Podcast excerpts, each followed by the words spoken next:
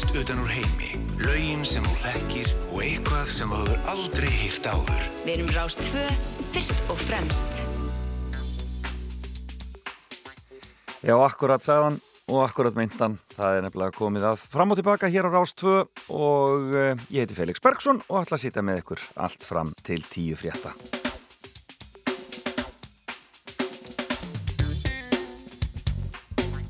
Ég var búin að búa um undir að hann væri napur hér í höfuborginni því ég stegi út í morgun og svo var bara alls ekki eins kallt og ég held. Það er alveg einstegs hiti, maður bara gleðst svo innilega þegar hitin fer yfir frostmarkið. Já, það var blés all rosalega að minnstakosti heimi hjá mér í nótt en um, það virðist nú vera aðeins skára núna veðrið. Og vonandi um, er það sæmilegt hvar sem þið eruð. Farið bara varlega og fylgist vel með veðurspám og sérstaklega fréttum að færð það þarf að fara varlega þessa dagana. Við eru válind, það er þorri hjá okkur. Og einhver sagði mér um daginn að uh, verstu stormarnir væri á þessum tíma frá 20. janúar til 20. februar og uh, þetta vissu þeir í Kanada og þetta uh, þetta markar þorran þannig að það verður já, þannig að þið farið varlega hvað sem þið eru það verður mikill hlátur hjá mér í dag og alveg tilvalið að taka því bara rólega heima hjá sér Hlusta útvarpið, fáum góðan gest hér eftir smá stund. Hún heitir Artís Þórarinsdóttir og er ritufundur og þýðandi og handhafi íslensku bókmæntavelununa fyrir eh, barnabók í flokki barna og unglingabókmænta og e, hún ætlar að sitta hérna hjá mér og segja mér af fimm skólum hér og eftir. Það er fimmann hennar. Það verður spennandi. Og síðan eftir eh, nýju þá ætlum ég að ringja í Jakob Þór Einarsson leikara en í dag eru 39 ár síðan Hrafnin flýgur var frumsýnd og ég ætla að spyrja Jakob hvort hann sé ennþá uh, spurður, hvort fólk kom ennþá til hans og segi þungur nýfur þegar það sé hann út á götu. Það var mjög lengi þannig.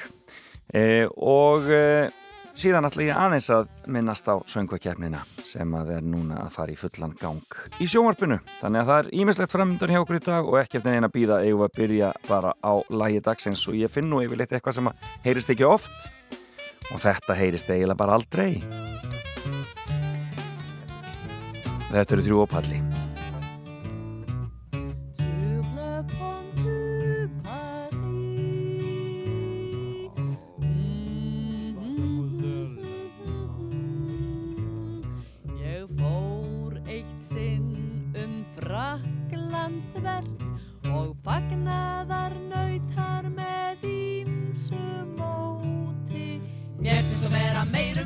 Gleðin á þessu þorrablóti, gyrjar ég, gyrjar ég Gleðin á þessu þorrablóti, gyrjar ég Mér finnst þú meirum verðt Tanza mit mir in den Himmel hinein In den siebente Himmel der Liebe. Það er víst rétt að sæl þú sért. Er siglirðu upp eftir rínar fljóti? Mér finnst að vera meirum verð Gleðin á þessu þorra blóti Gyrjar ég, gyrjar ég Gleðin á þessu þorra blóti Gyrjar ég Mér finnst að meirum verð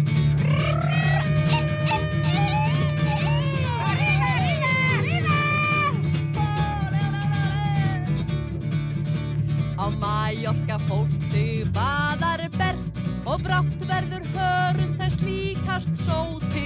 Mér finnst að vera meirum verð, gleðin á þessu þorra flóti, gyrjar ég, gyrjar ég, gleðin á þessu þorra flóti, gyrjar ég. Mér finnst að meirum verð.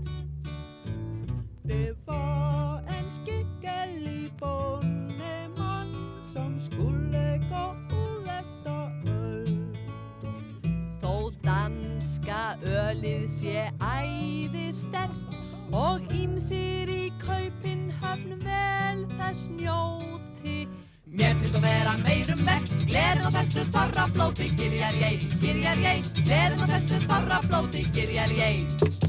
Mér finnst að meirum verð. Ísland far sældar frón og hagsældar hrým hvíta móðir. Já, margt er sér víst til gaman skert.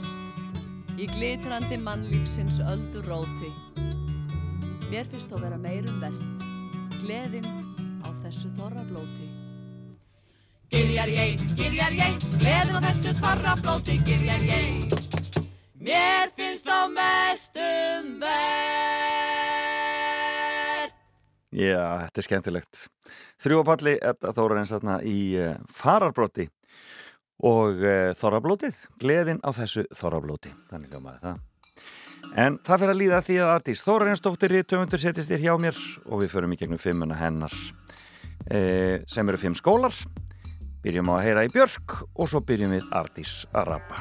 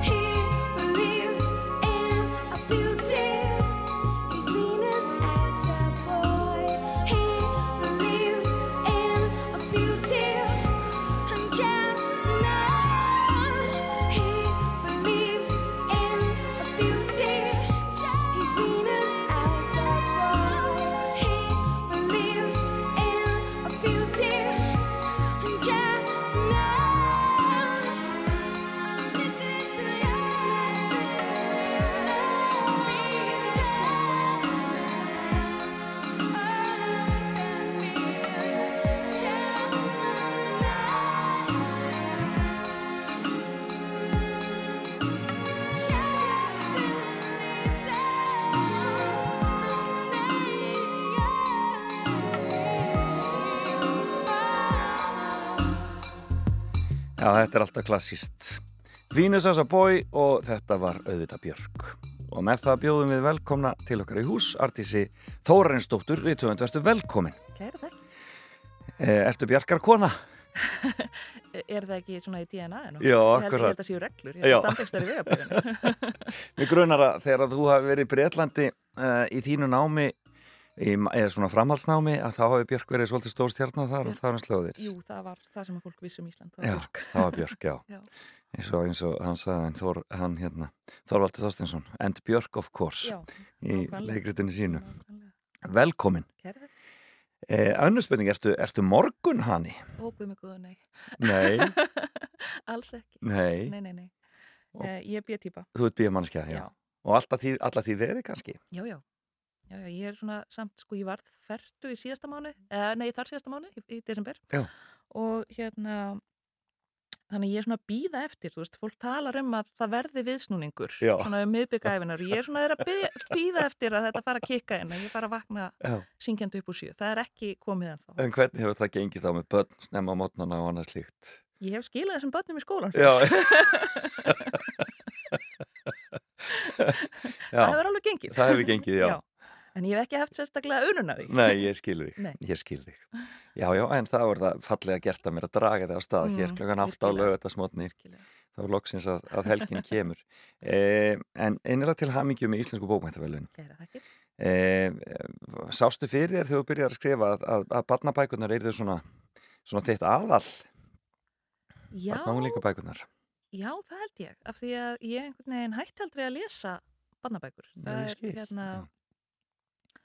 Náttúrulega, margir hætti að lesa þær í, í kringum uh, úlingsárin og hérna, og koma síðan kannski ekki að þeim aftur fyrir en að fara að lesa fyrir önnu börn. Já, já, en hérna uh, en ég tók mjög stutt tíðanbíl þar sem ég var ekki að lesa neinar barnabækur, kannski bara eiginlega ekkert tíðanbíl þannig að hérna, þær hafa nú alltaf verið nálægt mér. Þannig að það var mér finnast þær uh, skipta máli hérna þar er einhver kjarni í bókmyndunum Ah, höfða tími já, gaman að því. En Mm. það er bókinni Kollnís sem að færi bókmæntavelun í ár. Já. Þú veist maður að vera með hana svolítið, ganga svolítið lengi með hann í maganum. já hún, uh, ég byrjaði að skrifa hana uh, voruð 2012 Já, í það er bara svolítið. Já. og það náttúrulega uh, gekk ekki. Nei, ekki. Hún kom ekki út 2013. Nei, Uh, þá ég fór í gegnum hana og, og hún einhvern veginn lifnaði ekki við og svo gerði ég aðra allu 2014 og 2015 og 2018 þannig ég var alltaf að reyna að taka hana upp aftur og, hérna, og hún einhvern veginn söng aldrei Já. alveg en það var einhver kjarni í henni sem að gerði það erfitt að hendinni já, ég skil. Ég var uh, það, þetta var orðið svolítið sálihjálparatrið að koma henni bara út óháð því hvernig hún væri Nákvæmlega, já, ég var að losna úr þessum Úr þessum fjöturum. já, En k- hendur henni þá alveg og byrjar upp á nýtt eða hvernig gerur þetta þegar, þú- þegar að svona er? uh, já, ég held að einhvern tímann hafi ég gert það að hérna í rauninni byrja svolítið upp á nýtt og kannski splæsa einhverju inn í hana sem ég átti Já. en oftar var það að reyna að hérna, klippa hana í sundur og ræða hana upp á nýtt Ég eða, skil, ég skil, já. eitthvað svo leiðis Já. Finn hana, finn, finn, henni, finn henni farveg. já, En hugmyndin er alltaf svo sama, að vinna með svona erfiða tilfinningar og uh, svona sín barnana á raunveruleikan. Já, að vinna með þannig það var þessi krakki í, í forgrunni sem að mér langaði til að leifa hérna, uh, eiga þessa bók og, og hjálpa fylgjast með honum, svona læra svolítið aðeins að fullorðnast. Eh, Og oft er þetta einhver, er þetta einhver, einhver e, e, þarna, sækir eitthvað í eigin hugarheim þegar þú skrifa bók eins og þessa Já, já, já, og eigin líf. já, já, og ég held að það sé alveg heilmikið að mér í hérna þessu þessari tögaveklu aðalpersonu, sko. Já. Skemmtilegt. Dásanlegt, ég áttur að lesa hana, þannig að ég bara, að ég bara, ég hlakka mikið til, hlakka mikið til að lesa kollnís. En við skulum skella okkur í fimmuna þína og þú ætlar að segja mér að fimm skólum. Já, ég hérna fór að hugsa þetta þegar þú varst um fimm eitthvað og hérna Svona sem hafa haft mikil áhrif á lífið þitt. Já, og það er náttúrulega, skólakerfið náttúrulega vill eh, hjálpa mann í gegnum lífið og, og, og, en skóli er sem margt annað heldur en kerfi, skóli er hérna eh, félagslegt samfélag og hérna og alls konar annað og þá einmitt, af því hún nefndir þetta áðan með hérna að hvort maður væri morgunhanni, Mhm. þá er fyrsti skólinn sem ég ætla að nefna, það er dásanlegu skóli sem að byrja klukkan eitt síðdeis Já, hvaða það skóla er þetta? hendaði mér mjög, mjög vel þegar Já. ég var fimm ára og, eða ég var fjögur ára að byrja hérna í fimm ára bekk Já. og hérna og var að byrja sérst í Ísaksskóla Já, já, já. og þar var tvísetin skóli Já. og uh, ég sagt lifði við það öryggi að geta verið á náttfötunum fram eftir mótni og hérna og svo sagt ég bjóði mjög gott atlæti þannig að mamma keirði mig, við byggum í Vesturbænum Já. mamma keirði mig og sótti mig á hverjum degi og einhver tíma kom það upp að einhver skó, skólafélagi bjó nálagt og það var farið að stinga upp og hafa eitthvað samflott og ég segði bara nei. Nei, ég vildi bara ekkert hafa einhver dreng þarna í bílnum með okkur. Nei. því síður vildi ég fara í bíl með þeim og, og þetta var látið eftir mér. Það er bara svoleiðis, já. en þarna var uh, þetta var, just, byrja 1987 en það hefði geta verið 1957 í skólanum ég Já. var með hérna, kennara Sigrunu Aðalbyrnadóttur sem var fullorinn kona og það var skólinn hafði verið óbreyttur held ég mjög lengi og allt í mjög föstum skorðum og þetta veitti mér óa mikið öryggi Já, og það var svona mikill uh, jákvæður ægi var, og, og þegar maður hugsaður um þetta þetta er mjög fjärstæðukent þegar börnin stóði í röð við engangina kennstofin og neyðu sig fyrir kennarinnum að þeir fóru inn Einmitt. auðvitað Einmitt. og, Einmitt. hérna, og börn finna svo mikið öryggi í svona aga að hérna uh, kannski bara sérstaklega eh, því minna sem þau þurfa á honum að halda Já, að, hérna, uh, maður veit hvernig allt er, veit hvernig að öllu gengið og þarna, þú veist, það var mikil áhersla á söng, það var hérna, Já, þetta er Hertis Egilsdóttir er þarna náttúrulega, sko, aðal, aðal, einsti koppur í búri. einmitt, sýsti mín var síða nefandi hennar Já, og, einmitt. og ég var einmitt að hugsa að þarna, þarna í rauninni gef ég fyrst út texta af því að það voru gefnar út á vorin voru ge- gefin út hefti með Já, já, já. ljóðum nefnda og ég hef oft hugsað hvað þetta skipti miklu máli af því að manni fannst að maður væri tekin svo alvarlega af því að maður lagði fram efni Já. og allir krakkarnir lögðu fram einhverja nokkra texta og síðan var Mhm. maður spenntur hvað var valið Mhm. og það var eitthvað valið frá öllum en bara að finna einhver hafi sest yfir þetta ákveði, jú þetta er best Akkurat. við ætlum að taka þetta og þá Já. gaf manni liftingu Mhm. svo gáttu fóreldra keift fyrir einhverja smápinninga þessi hefti og maður var tekin svo ofbúslega alvarlega. Já, og þá fær maður sjálfur að taka sér svolítið alvarlega. Já, og þetta var svo einföld leið til að gefa krökkum rödd. Þetta er Og dásanlegt. Dásanlegt. Hljómar skemmtilega. Og, en hvað varstu lengi í sexskóla? hann var uh, fjó, fjóru veitur hérna, og þegar ég fór það þá sérst fór ég í minn hverfiskóla sem var melaskóli. Og hérna og hann var náttúrulega miklu stærri, algjör dýrgarður Akkurat. hérna, Og er það næsti skóli? það er næsti skóli Já, þetta er meðla skólin. já. Já, fannst þér hann erfiður þá eftir Ísarskóla?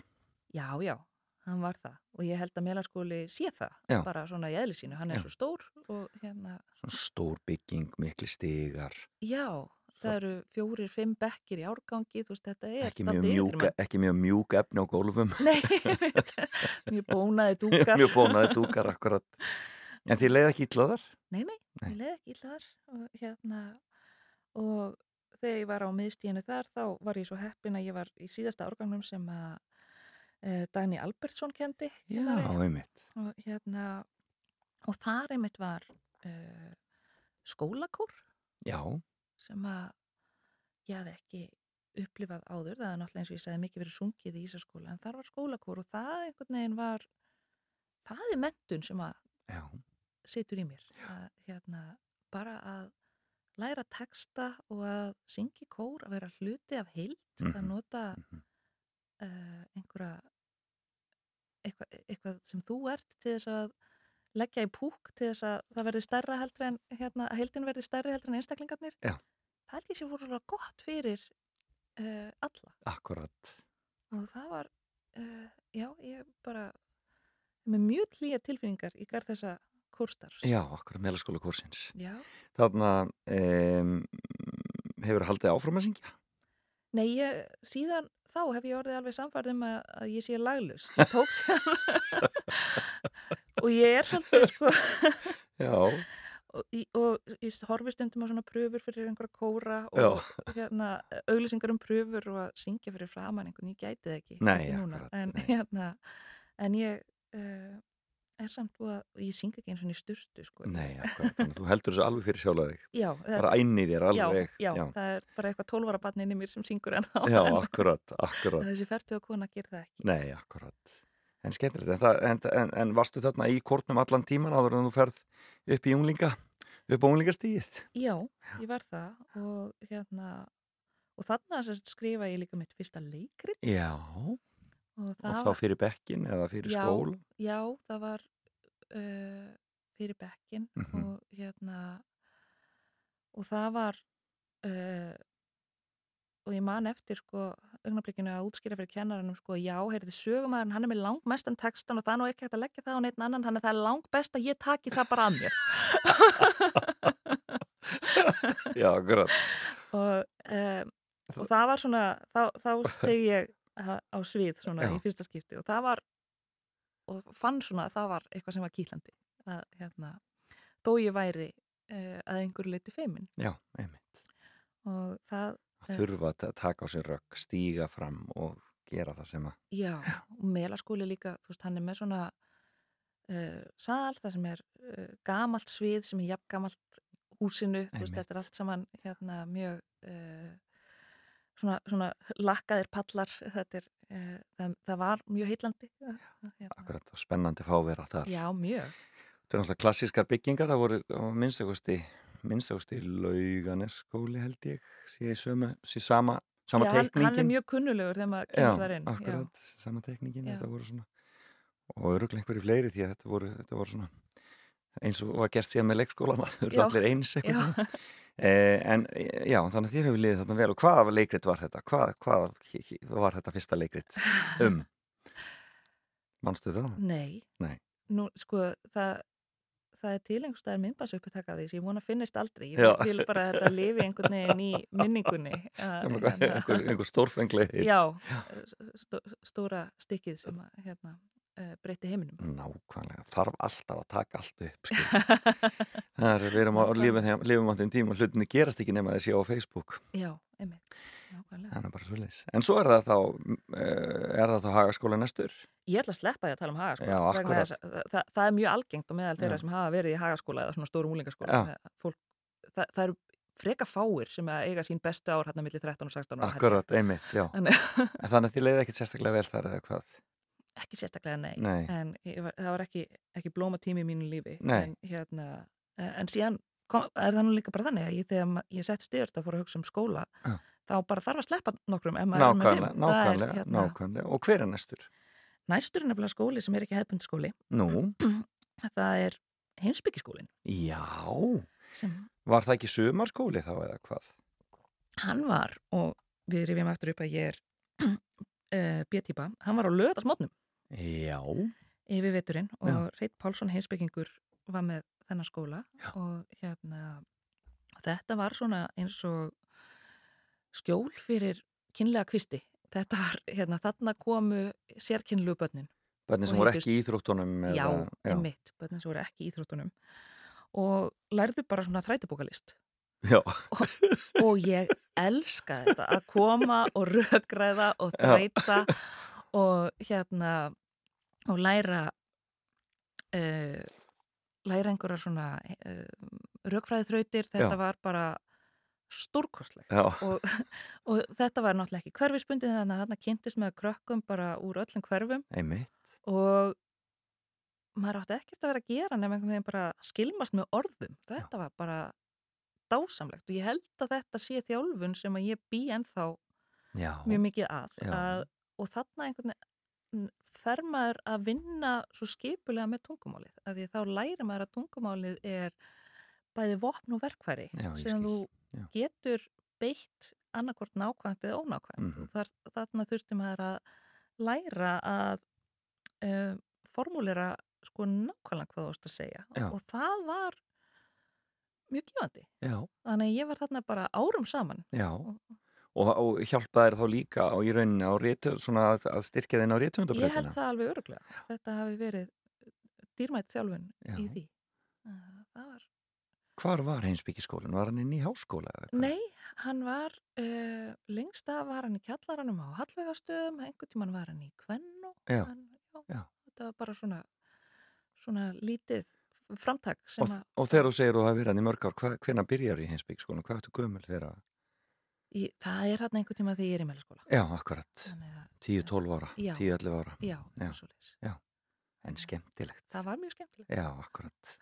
Og, Og- einmitt eitthvað svona sem var ekki íþrótt En þú er þá ekki hugsað, geta hugsað þér að fara í heimsbyggi bara alveg þegar, þegar komað háskólanámi? Nei, uh, vegna þess að svona teória sko heimsbyggi teória er náttúrulega daldið þungmælt, skulum við segja einmitt, akkurat. Ég var alveg til, ég verið ennþá í heimsbyggi hérna fyrir tíu ára en, Já, akkurat. en heimsbyggi fyrir fullortna, hún, hún reyndist svolítið hérna, ekki, ekki jafn aðlæðandi, skulum Já, við segja ég skil, ég skil.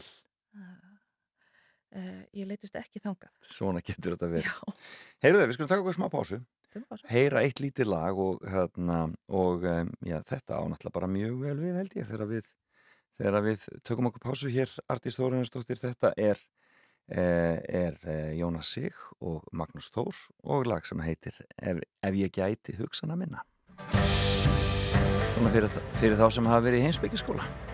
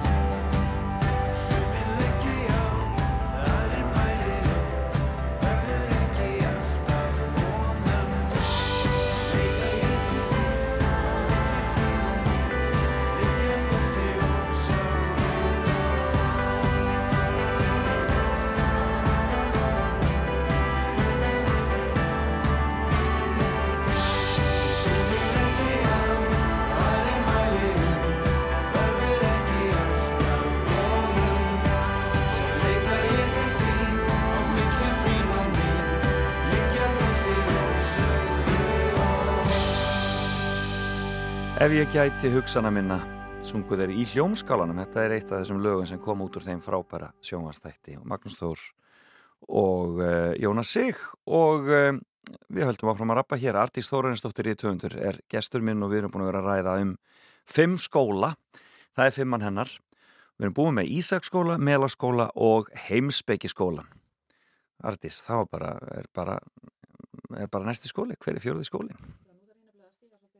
skólin? Því jarðar, vegna þess að nú munum mjög margir hugsa, já, auðvitað, þess vegna valdi hún að tala um skóla. Já. Auðvitað er hún emmeringur. Já. Það er enginn sem hefur jafn mikla unun af því að tala um framhaldsskólan sinn og emmeringar. Metta skólin í Reykjavík Já. Og, en það bara er ekkert annað. Nei, bara, það er mentaskólinn þinn það er mentaskólinn minn og það er mentaskólinn bara sem að mótaði mig. Já, akkurat og um, það hérna um, Hvað er svona gott við MR? Hvað af hverju er MR besti skólinn þegar það kemur að árangri í háskóla og svona í er það það? Ég, sko, það sem að mér fannst gott við MR Já. var ég heitlast af sögu þannig að Mhm. ég fannst þessi hugmyndum að ganga inn í þennan gamla skóla þar sem að hérna uh, maður gætt verið uh, eitthvað púsl í langri keðju. Púsl, púsl í keðju, það er Einmitt. ekki gott. Nei, akkurat, í keðju, að hérna, það fannst mér ofsalega heillandi. Og bekkakerfi hendaði mér vel þannig að það var eitthvað sem að mér fannst eftir svona verð og Helt vel utan en þig og svo Já, fyrir utan alltaf bara hann var hverfiskólinn minn þannig að ég gæti gengið í skólan Já, hann akkurat. líka alltaf einhverjum hænýttir eh, eiginleikar. Og þar eh, var ég sem sagt á máladeild ég var í, á formáladeild og eh, það held ég hafi haft óbúslega mótandi áhrif á mig ég held Já. að það skipti í fyrsta lagi máli að læra önnur tungumál heldur en sitt eigið Mhm. af því það afhjúpar svo hvað tungumálið mótar hugsununa og Já. það er svo gaman að lesa eitthvað á öðru máli og hugsa býtu, já, já, þau hugsa þetta svona, ég skil, já, þetta snýr það, og það er skemmtilegt, akkurat, já Og síðan þessi fortfræði að lesa texta eftir uh, Cicero og hérna um, Sappho og hérna allt gamla gengið. Já. Það fannst mér líka svo skemmtilegt af því að þá aftur, þá var maður alltaf í norðin hlekkur í miklu stærri keðju Já, að, að upplifa það að maður skilur hvað einhver sem var uppi fyrir 2000 árum var að hugsa. Já. Ég veit nákvæmlega hvernig þið leið þegar þú Já, skrifaði þetta akkurat, já og þegar maður er 18 ára eða eitthvað þá er það, þetta alveg sprengir upp á manni heilan Þetta er upplifun, já það er það Já. og svo náttúrulega uh, kannski stærsti áhrifavaldurinn sem að uh, MR var í mínu lífi var að ég kynntist manninu mínu þar þegar ég var Já. busi Já, já, og einhvern veginn ég var svona fyrstu árin var ég svona freka meðvituð um þetta þetta Já. væri hann alltaf klúður að einhvern veginn það hafði aldrei verið tilöfni til þess að losa sig við fyrsta kærasta. Já, akkurat. Að, hérna, og þú veist, er, er það næg ástæð til að slúta þessu? Já, veist, hann, hann, er, hann er svona fítn og, og maður er svona svolítið skutin í honum. Já, en þú veist, maður getur ekki bara að stoppa hér. Nei, akkurat, það- ekki þurfið ekki að vera fleiri það er einmitt. ekki eitthvað svona smá ferli. Var hann þá busi líka eða hvað? Nei, hann var aðeins eldri. Hann aðeins og eldri, já. hérna, uh, við kynntumst sem sagt á Yrkinu, MR Rás Yrksins. Já, yrkið, 98 akkurat. Að, En skemmtilegt. Já, Á MR Rás Yrksins. Já. Þetta er skemmtilegt. Þetta flassflóðin past Hún og var til, já, akkurat, algjörlega. En uh, hvað heitir hann?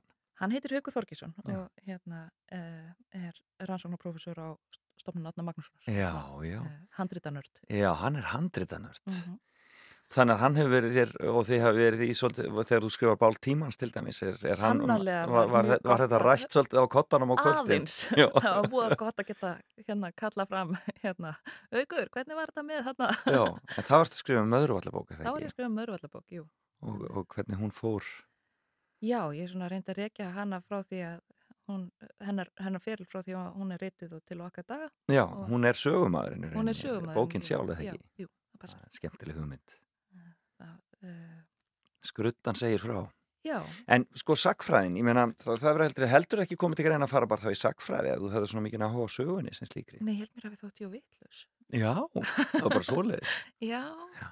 það sko uh, að ég trist ekki minninu að hérna náttúrulega sak, eins og sakfræði próf uh, sérstaklega þá gengur náttúrulega rosalega mikið út á að bara muna ártöl og muna Nákvæmlega, rosalega mikið. röð atbyrða og, Já. hérna, og hver var hvað Akkurat. og það veginn, mér fannst þú að gaman í sögu tímum uh, hérna Já. uh, í MR en þetta svona potaði eitthvað óöryggi að, Já. hérna, að maður væri að afhjúpa sig með því að sína að maður hefði ekki alveg muna hvernig þetta gekk fyrir sig allt saman Akkurat. En það talaðum á oriki, sko, ég las ekkert hérna að þú að, að þú hafur aldrei, að, að þér hafið, þú har ekki litið á rítvöndastarfi sem, sko, um, sem alvöru starfa. Þú hafur ekki, að sá möguleiki að verða rítvöndar hefur einhvern veginn ekki uh, verið þér svona mjög augljós, minnst til að byrja með. Nei, Af, af hverju var það? Ég menna, nú kemur úr svona umhverfið það sem einmitt, þú, ert kvöttisköpunar og það er alltaf, en, af, hverju, af hverju leiðir svona? ég þekkti í fyrsta lagi held ég bara enga sem störfuðu sem listamann og, og í öðru lagi þá einhvern veginn fannst mér líka það var svo þrúandi að maður þyrfti að hafa svo ofsalega mikið fram að færa Já. til þess að geta unnið við sköpun, þú veist, ég var Mhm. í tónlistanámi og ég hérna að, Það var fannst aftur að þú treystir ekki heilanum eitthvað, þú treystir ekki eh, sköpunar. Nei, að, hérna, og það er líka svo sköpunin er svo afhjúpandi. Já. Þú veist, ef maður er, hérna, þegar að illa gengur, það fer ekki frá hjáneinum. Nei, nei, nei, nei, nei. Þannig að, hérna, mér fannst alltaf augljóst að maður þyrfti að fá sér alvöru vinnu. Já. Og hérna, finna því einhvern veginn farveg, að reyna að finna helst einhvað, eitthvað starfst þar sem að maður getur fengið útrás fyrir eh, einhverja sköpunar þrá. En, Já. hérna, eh, en svo er að bara gera eitthvað skemmtilegt í frístundum. Já, og þannig að þú sagði mér aðan, þú hefði farið í lögfræði Já. til að byrja með. ég gerði það og hérna held einmitt þar að þrætibókalistin úr heimsbygginni, þú veist, að það væri uh, eitthvað sem að gæti uh, unnið vel saman að, Skal segja þér herra dómari, eh, Akkúrat. þetta var alveg þessi. Já, Matlock. Já, já, alveg, já. einmitt svona ræðumennska og hérna uh, og textagerð, það er náttúrulega það sem að lögfræðin hangi mjög mikið á, þannig ég svona í teóriinu finnst mér að ég hefði alveg geta átt að vera lögfræðingur. lögfræðingur en En hvað gerist svo? náttúrulega er helviti leiðileg. Nú svelgist einhverjum á kaffinu einhver staðar. Já, ég samt sko eins og ég ég- bæði pappi minn og sýsti mín eru lögmenn og hérna og ég hef umgengist talsvært af lögfræðingum og það er nú margir sem fallast á það að laga námið sé kannski ekki Í svona í þurrara lagi. já, Já, þó að starfið getur verið mjög skemmtilegt. En hérna en ég var mjög fljóta að átta mig á því. Það tók ekkert marga vikur að fatta að þetta væri nú kannski ekki staður þar sem ég myndi endast í fimm ár En voruð þið hauku farin að búa þarna á þessum tíma þegar þú ert konin í háskóla eða hvað? Eða? Við byrjum að búa fljótlega eftir að ég byrja í háskóla í Já. kjallarinu hjá mamma og pappa Nú, það er bara svo leis, já, í öryggi, örygginu þar. Já, Dásanlegt. Og hver er fymti skólinn sem þú vilt segja okkur frá? Fymti skólinn, ég ákvaða að sleppa Háskóli Íslands Já. sem er kannski samt skóli sem ég hef lengst fyrir því en, Mhm. hérna, en þar sem sagt í Háskóli Íslands slýsist ég inn í stúdendaleikursið Já, og hérna sem að var þess valdandi að ég fór í fymta skólan sem að uh, heitir Goldsmiths og er Já. í London, er partur af hérna háskólakerfinu þar og ég ákveð eftir þessa uh, reynslu í uh, stúdendarleikursinu meðan ég Já. var þá nemi í bókmyndafræði að hoppa á leiklistina. Leiklistin var, leikhúsi var eitthvað sem hafði alltaf heilla mig og alltaf þótt spennandi en aftur þetta, það kvartla aldrei að mér að gefa mig fram við herranótt nei, í MR. akkurat, nei, Ég, akkurat. veist, hjálpi mér, ég hef aldrei þórað því. Nei. En hérna, en þarna fann ég einhverja leið að leikhúsinu, að hérna, uh, í gegnum textagerð í, og í gegnum, Og í fræðin, þá leikust fræðin í rauninni eða hvað? eða- sko þetta voru ekki, þetta var í rauninni hagnýtt, sem Ah, ég fór ok, á. Það já, komu skemmtilegt. uh, leikhúsfræðin, það voru alveg fræðilegir kúrsar líka, en þetta gekk út á leikritun og dramatúrkju. Já, já. Og ég byrjaði sérst, og það var hægt að velja uh, hvor, hvort þráðum að laði meiri áherslu á og ég byrjaði á dramatúrkju námsbreytinni en svo hugsaði ég, heyrðu, ég komin hérna út, ég er í Hogwarts Já, akkurat, og einmitt. hérna uh, og það er uh, mér langar til að það sem að virkilega mér langar til að gera er að skrifa, mér langar að segja sögurnar. Já.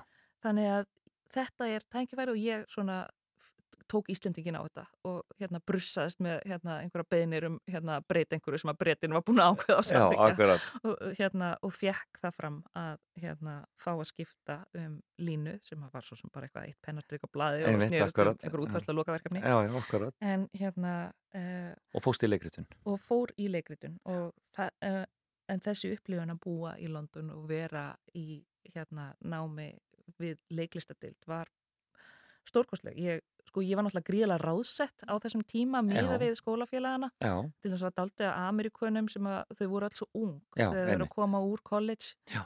þannig að hérna, þau voru öll uh, sem innan við tvítugt.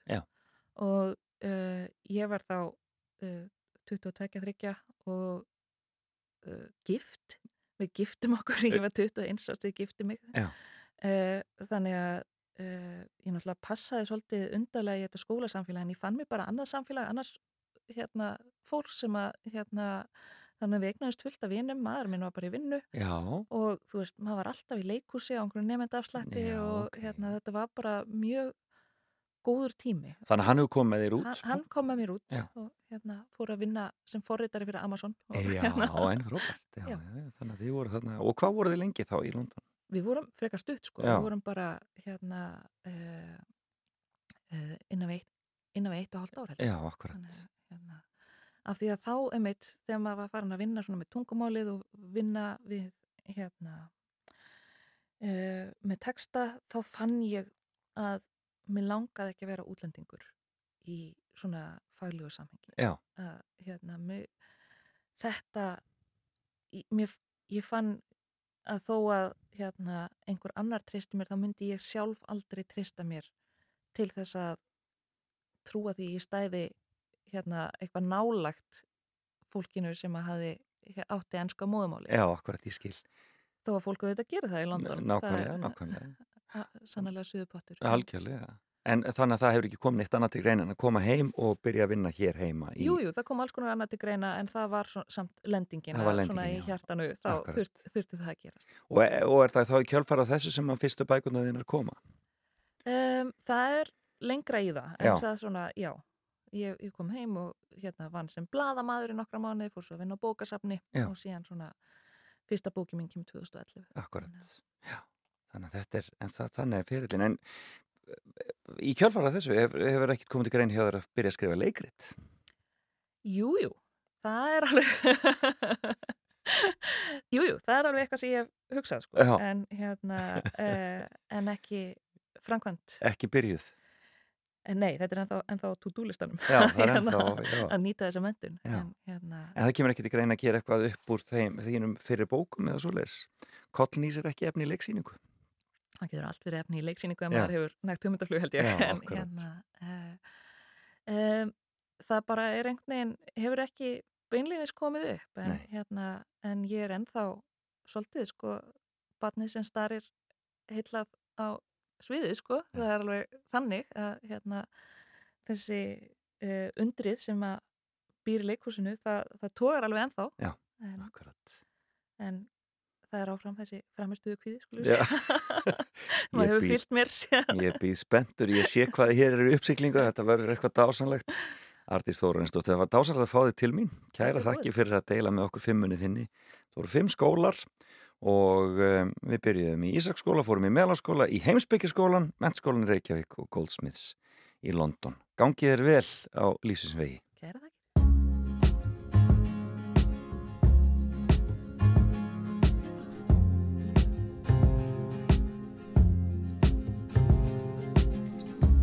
I'll be honest. I'll be honest for you. Yeah, yeah. Yeah. And if we're talking, I'm gonna tell you the truth. Yeah. You and me made a lover of an enemy.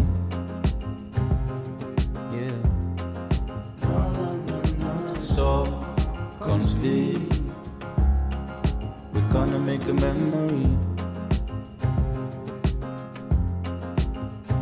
Cause you've been on the west side, showing them your best side. You've been wearing new jeans and shoes. While I've been living less life, sleepless, get no rest nights. Thinking about us and how I do. You and me made a lover of an enemy.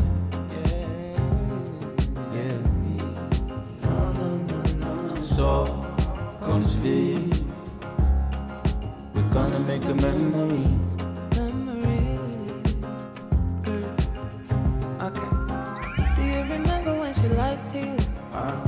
Do, Remember how she almost fooled me too?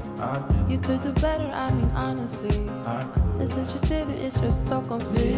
Light rain is a veins, diamonds on my face.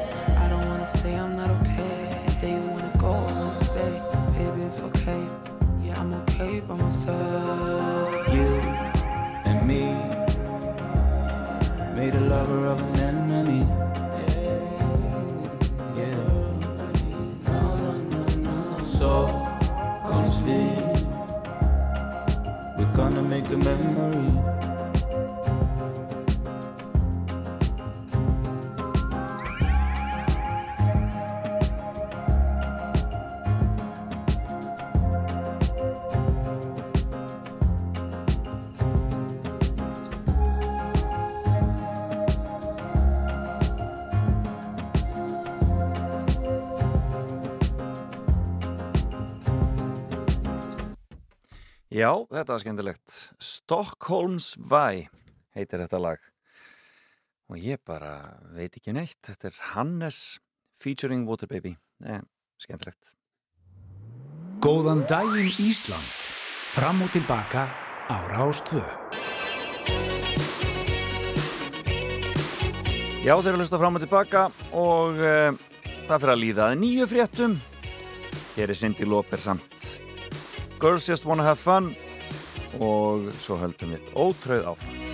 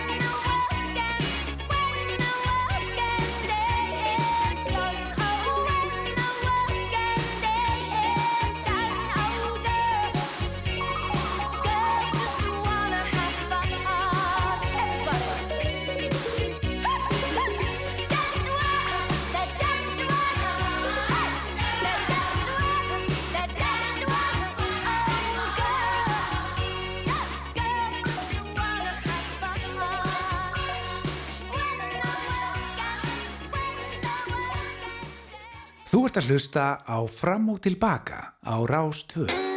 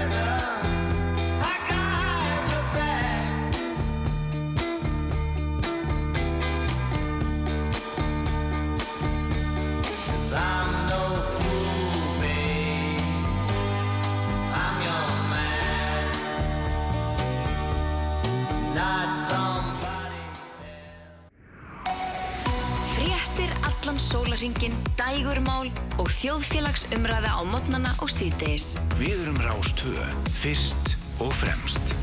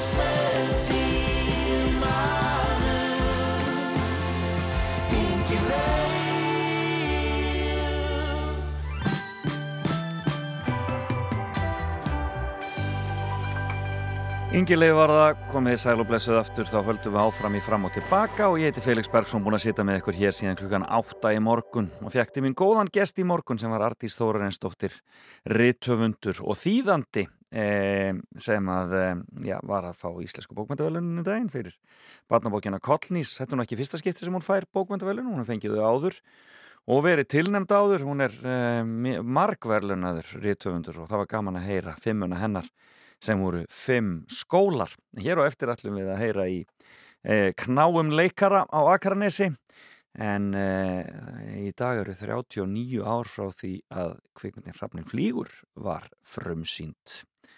Heyrum í Jakobi Þóra Einarsinni hér á eftir og svo ætlum ég aðeins að tekka því hvað gerast á deginum og svo ætlum ég aðeins að minnast á söngvakefnina. Nú er þetta allt saman að fara í gang hjá okkur í sjónvarpinu og uh, margir kallaðir en fáir útvaldir svo sannarlega en uh, hvet ykkur til þess að hlusta á lögin ætlum að, að ræða þetta hér á eftir og svo er það bara tónlistinn Give me a second, I, I need to get my story straight. My friends are in the bathroom getting higher than the Empire State. My lover, she is waiting for me just across the bar. My seat's been taken by some sunglasses, asking about a scar. And I know I gave it to you months ago. I know you're trying to forget. But between the drinks and subtle things, the holes in my apologies, you know, I'm trying hard to take it back. So if by the time the bar closes and you feel like falling down, I'll carry you home tonight.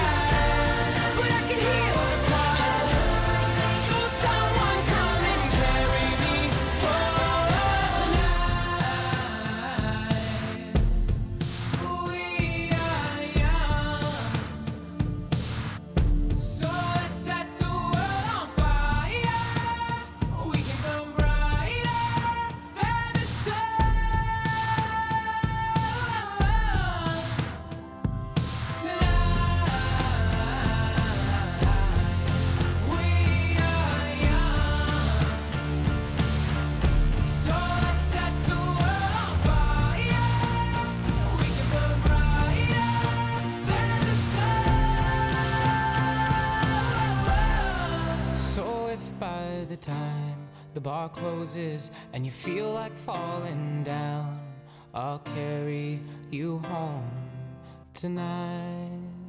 Góðan daginn Ísland. Fram og tilbaka á Rástvö.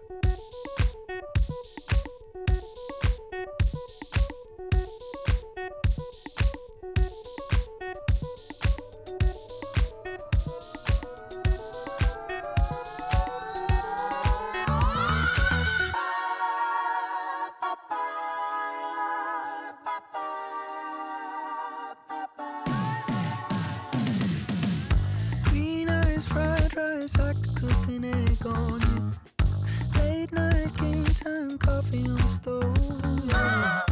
Your sweet ice cream, but you could use a flake or two. Blue bubble gum twist around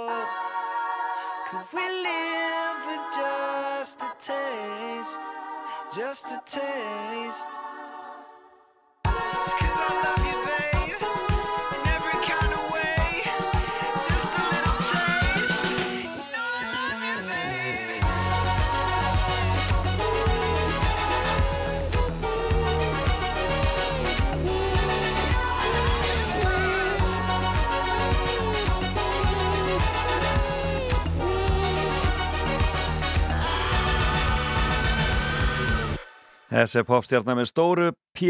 Þetta er Harry Styles og Music for a Sushi Restaurant. Mér finnst þetta alveg ríkala flottur titill á lægi. En um, um, svona þegar maður fer að uh, undirbúa þáttinn þá fer maður að kíkja á það sem gerðist á deginu svona bara til þess að sjá hvort það sé eitthvað skemmtilegt sem að leynist þar og er nú ímislegt sem gerðist 4. februar uh, í gegnum tíðina E, til dæmis árið 1222 þegar menn Guðmyndar Biskus Arasonar komið til hólaða nætulagi og drápu Tuma Sigvatsson korki meira nefnina og eh, Sólveig Hrapsdóttir hún gekk í klaustur á Reynistad árið 1493 og á þessum degi átti síðar eftir að verða abbadís þar í fjóra ára tíu og já, George Washington, hann var kosin fyrsti fórstitt í bandaríkjana á þessum degi árið 1792 en svo er það nær okkur í tíma árið 1984 Hrafnin flýgur kvikmynd Hrafskunlausunar var fyrir um sínt og þá verðum við nú hugsað upp á Akranis til hans Jakobs Þós Einarssonar sem þar er og ég segi bara góðan og blessaðan daginn.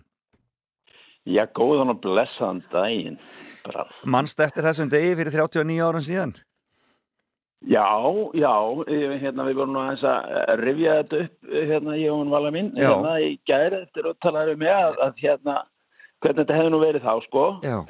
þá hérna fórum við að frumsýningi háskóla bíói og það var að fara að snjóa helviti mikið og þegar við komum út það var allt komið á kaf og við fórum í frumsýningaparti heim til Rapp sem bjóð þá á, á hérna Hagamel Já, ekki langt að fara, hefur ekki verið langt að fara. Nei, nei, og svo endaði því að við fórum þaðan í þjóðlíkuskjallarinni í eitthvað svona meira partí á um kvikmyndaháttíðar held ég að verið eitthvað já, já, já. og þanga fórum við bara held ég meira og minna öll strollan í, í hérna sendifræðbílum bara tróðið aftur í Helgi skúla og flóðið og allir bara hérna Það hefði verið gríðalegt menningarslið sem var sá bílleði lendi áreikstri. það hefði verið alveg rosalegt sko Já, skemmtilegt, en, það, en það semst þetta voru alveg frumsýningar hérna á þessum tíma. Já, þetta var mikið, mikið haldið, vel haldið upp á þetta sko já, já, já, já. Og konaðin Valgeri Janustóttur, hún náttúrulega var mjög involverið í þessa mynd líka, var það ekki? Að hún hefði verið að vinna Jú, heldur betur Já, já, hún sá um hérna að að fæða okkur og hérna næra Já, á meðan þessu stóð. og vorum hérna með elsta strákin okkar sem varði mitt fimm ára þannig sko þegar við vorum á staðnum Og var það sjálfsögðu kvikmynd að gera maður beint í kjölfarið. Já, já, þetta gæti ekkert orðið annað Nei, maður gæti ekki orðið öðruvísi. En sko, hún lifir enn, Hrafnir Flýgur, eða ekki? Verður ekki var við það? Jú, jú, ég verði alveg var við það að fólk kemur svona að slæði, já, það er hérna, þetta uh, var nú helviti góð mynd og hérna, fólk er svona, svona eins og að hérna, hún náttúrulega sér náttúrulega auðvitað batsins tíma eins og, eins og myndir verða flestar, sko. Já. En hérna, já, já, það var, það var e, það eitthvað svona sem að, það var náttúrulega kannski líka fyrsta myndi sem gerði eitthvað í útlöndum og svona, sko. Já, einmitt, einmitt. Mm. En þarna, sko, hún er náttúrulega bara búin að sína hana núna á rúf til dæmis. Já. aftur, og svo veit ég að hún er sínd, sko, skólakrakkar sjá hana. Minnstu kosti til dæmis í. Svíþjóðu, það ekki? Jú, það hefur allavega verið þannig sko að þetta hefur alltaf sínt á einhver ákveði ár í skólanum þar sko Já. Og hérna þess vegna kunnu allir frans, nei, sænskir krakkar sko hérna tungur knýfur eh, og hérna og ég, ég hef alveg fengið að drekka fritt út í síðu út af það bara Er það ekki? Já. já, já, alltaf að græða. Já, já. Alltaf Já, að græða. alltaf að græða. Já. Já, já. En þarna, sko, þú varst þarna, þetta voru þessar hrapsmyndir þarna á þessum tíma, óðalfeðrana og, uh, og þessi. Hefur verið að leika meira bíó svona í setni tíð aftur? Nei, ekki, jú, jú, jú, að- aðeins, alltaf, hérna, það er svona eh, ennþá einhverjir, hérna, leikstjórar svona sem að muna eftir mér. Já. en þetta er náttúrulega, eh, eh, hérna, þeir sem ég var að vinna með orðinni hansi gamli löngu hættir að búa til bíómyndir, sko, þú veist, svona, á þessum árum, hafnið því miður líka, löngu hættur, og hérna, en, en svo er alltaf einhver sem ringja og að- að það hvort það vantir ekki svona í einhverju einn, eða tvo daga í bíó og ég, og ef ég get þá er ég alveg til í að skoða það Akkurat. hef haft gaman að því Einmitt, akkurat. En þetta var mikið, en meina þessi mynd fekk gríðarlega góðar móttökur á sínum tíma, var hann ekki mikið sótt í bíó, Hrafnir Flýgur? Jú, hún var, jú, hún var það sko, það þótti ég man eftir því sko að ég, var, ég gerði díl sko við hrafnum að hérna, ég var náttúrulega bara öðru ári í leiklistaskóla þegar þetta var sko. Já, einmitt. að hérna, ég var ekki á hæsta kaupi sko en ég myndi hækka ef hún fær yfir 40.000 sko, það gerðist náttúrulega alveg eins og skot sko, það var ekkert mál sko. Þannig að jú, jú, hérna, hún fór langt yfir það sko. Já, akkurat, á þessum tíma 70.000 þegar ég veit ekki. Já, akkurat, á, þessum tíma ef myndi slúi gegn þá var þetta menn fættin að horfa á 100.000 manns. Já, Eh, Það var bara já. þannig sko Já, þjóðin svona þurft að sjá þetta, það var náttúrulega mikið þetta, hún var, það var gríðarlega mikið reyfist um hana í fjölmiðlum og blöðum og, og álitsgreinum og öllu saman sko. Já, auðvitað, þannig að átnastofnun hefur náttúrulega rokið upp til að segja Já. okkur hvernig þetta var í raun og veru já, já, já, já, Já. já, akkurat svona, hérna, vikingar voru náttúrulega ekki klættir svona og, Nei. hérna. Voru ekki með svona vopn og, og, og, og hefðu sér ekki svona eins og alveg eins og bafi hérna Nei. Og Flósi Ólason var ekki þarna á vikingöld Nei, hann var bara alls ekki Nei, sko. hann var bara alls ekki sko. Nei, nei, Þetta er Nei, nei. en það er, en það er nöðsynlegt að menn ræði einmitt arfinn og, og takin og takin svona svolítið á hana líka. Það er skemmtilegt. Já, já, já, já, já. Það var mjög gaman, mjög gaman að því sko, það var margir sem þurftu að tjá sig, en svona, en sko, þetta var náttúrulega svolítið bara æfi, þú veist, hasarmynd, svolítið æfintýra hasarmynd líka, sko, það einmitt. við tóku vikingatefunbilið og, og poppuðu það svolítið upp, sko. Já. Og hérna gerðu úr því bara svolítið svona, eh, svona vestrakendan, svona viking, eh, vestrakent vikingadrama, sko. Akkurat með músikinni líka sem músikin alltaf bara svolítið stutti vel undir það það var svolítið anda, andaspakið í Já, vestarana já, já, já, akkurat, mjög svo. Hann var skemmtilegur hérna danskur, danskur Hans Erik Philip held ég hann heiti og hefur gert aldrei mikið af músík sko í bíó. Já. Já, þetta var skemmtilegt hjá hann. Já, það er alveg frábært og ég mæli með því að fólk hefur möguleika á að sjá hrafnum flýgur að kíkja á hana En, en, Já, já, en þú ert góðan aftur upp á Skaga og líður vel að vera fluttur aftur í heimabyggð Já, það er voða notalegt sko. Ég er einmitt að horfa út um gluggan, ég ætla að segja sko að það væri bara að koma vor og bjart en svo er aftur það að blása hérna, blása snjó og það er ekki hérna. Það má ekki býði fimm minútur, þá breytist það sko. Nei, Það er Já, bara það svo bara leiðis svoleiðis. Það er akkurat þannig. Já. En ég bara óska til mikið með daginn og bara gaman að heyri þér Jakob Þór eins og alltaf og beð kærlega að hilsa öllum þ- þínum upp á Skaga. Takk fyrir það, sömulegis bara bestu hver. Bless, Já, bless, bless.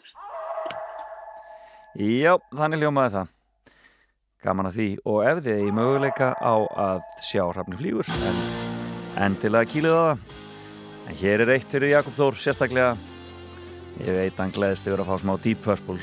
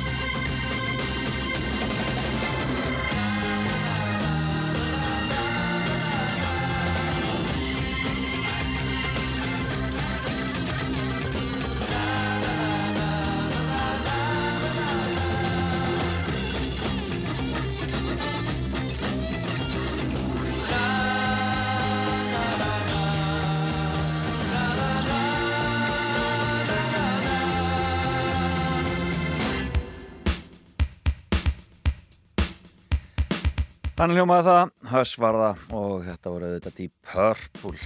En eins og ég segi það hefur margt gerst að þessum degi 4. februar. Ég ætla að fara örstutt í gegnum svona það helsta sem að hér er að finna samkvæmt vinum mínum hjá Wikipedia.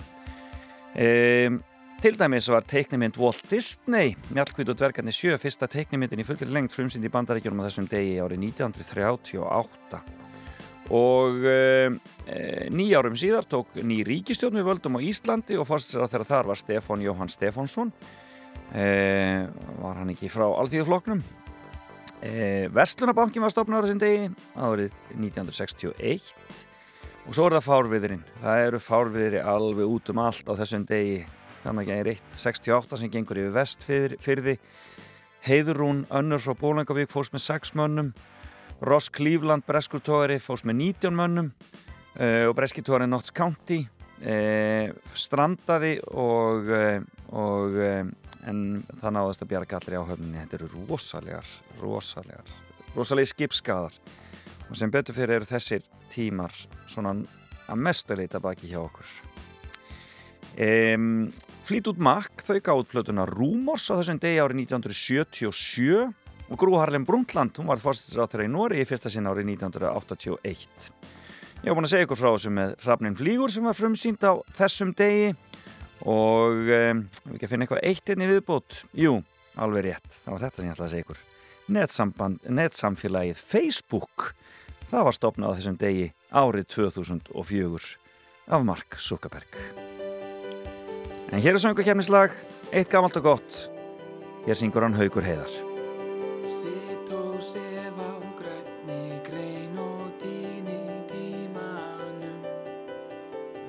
Þó vel að hún mun kannski brotna á endanum. Ég óska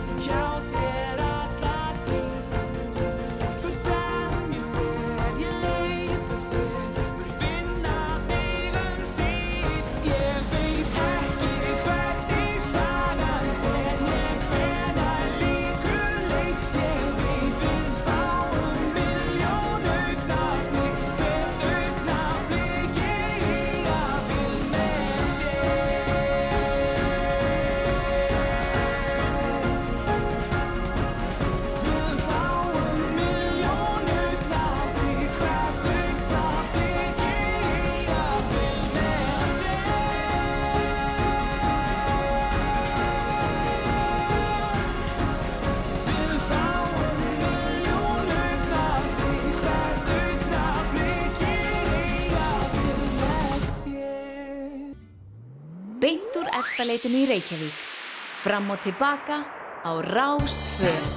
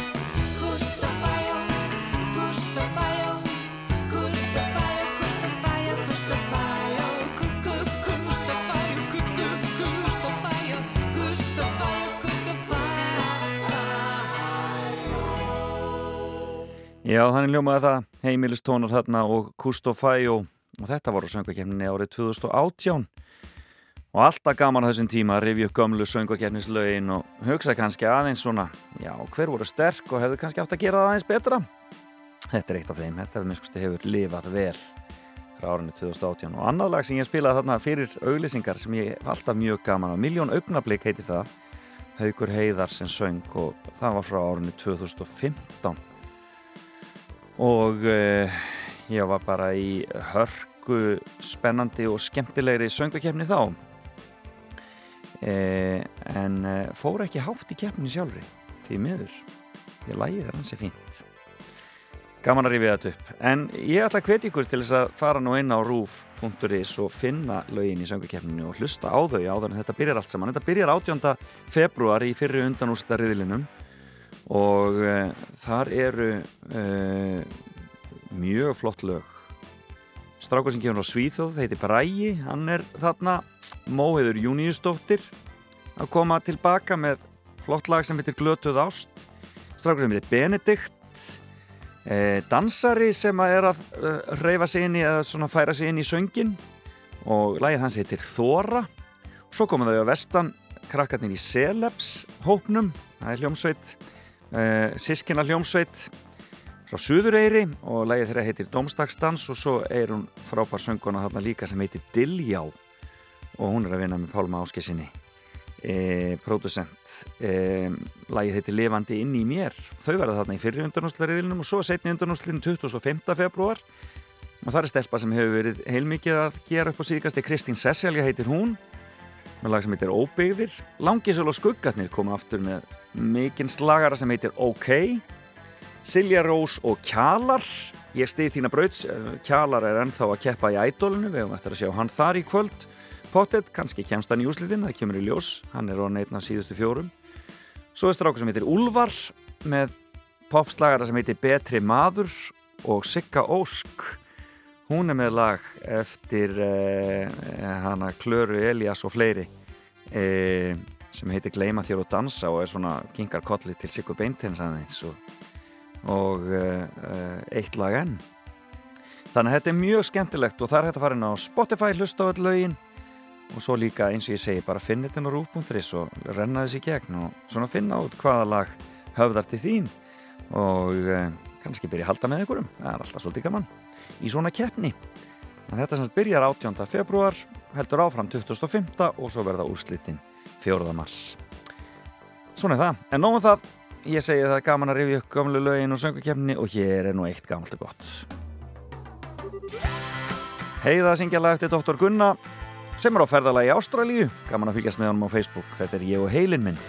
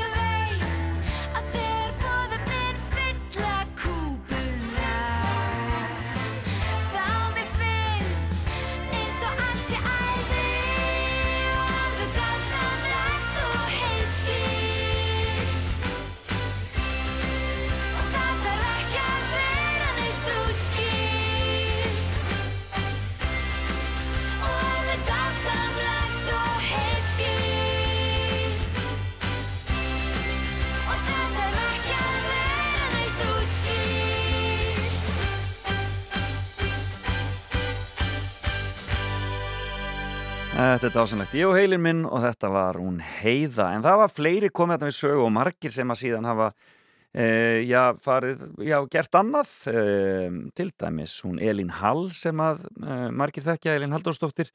Hún er farin að gefa út músik aftur og náttúrulega verið að leika á fullu og svo er það auðvitað þessi hérna sem hefur aðeins verið að vinna hjá okkur á Rástöðu. Þetta er hún Rósa Birgitta og lag sem heitir Stund með þér.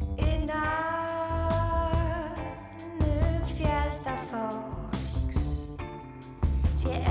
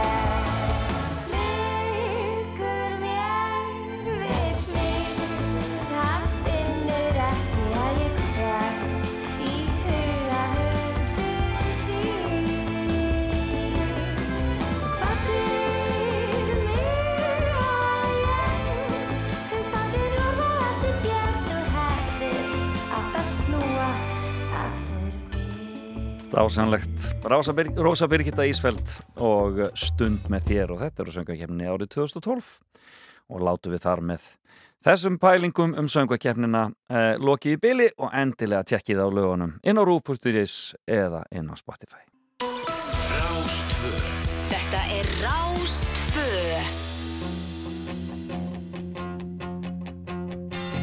Loving you isn't the right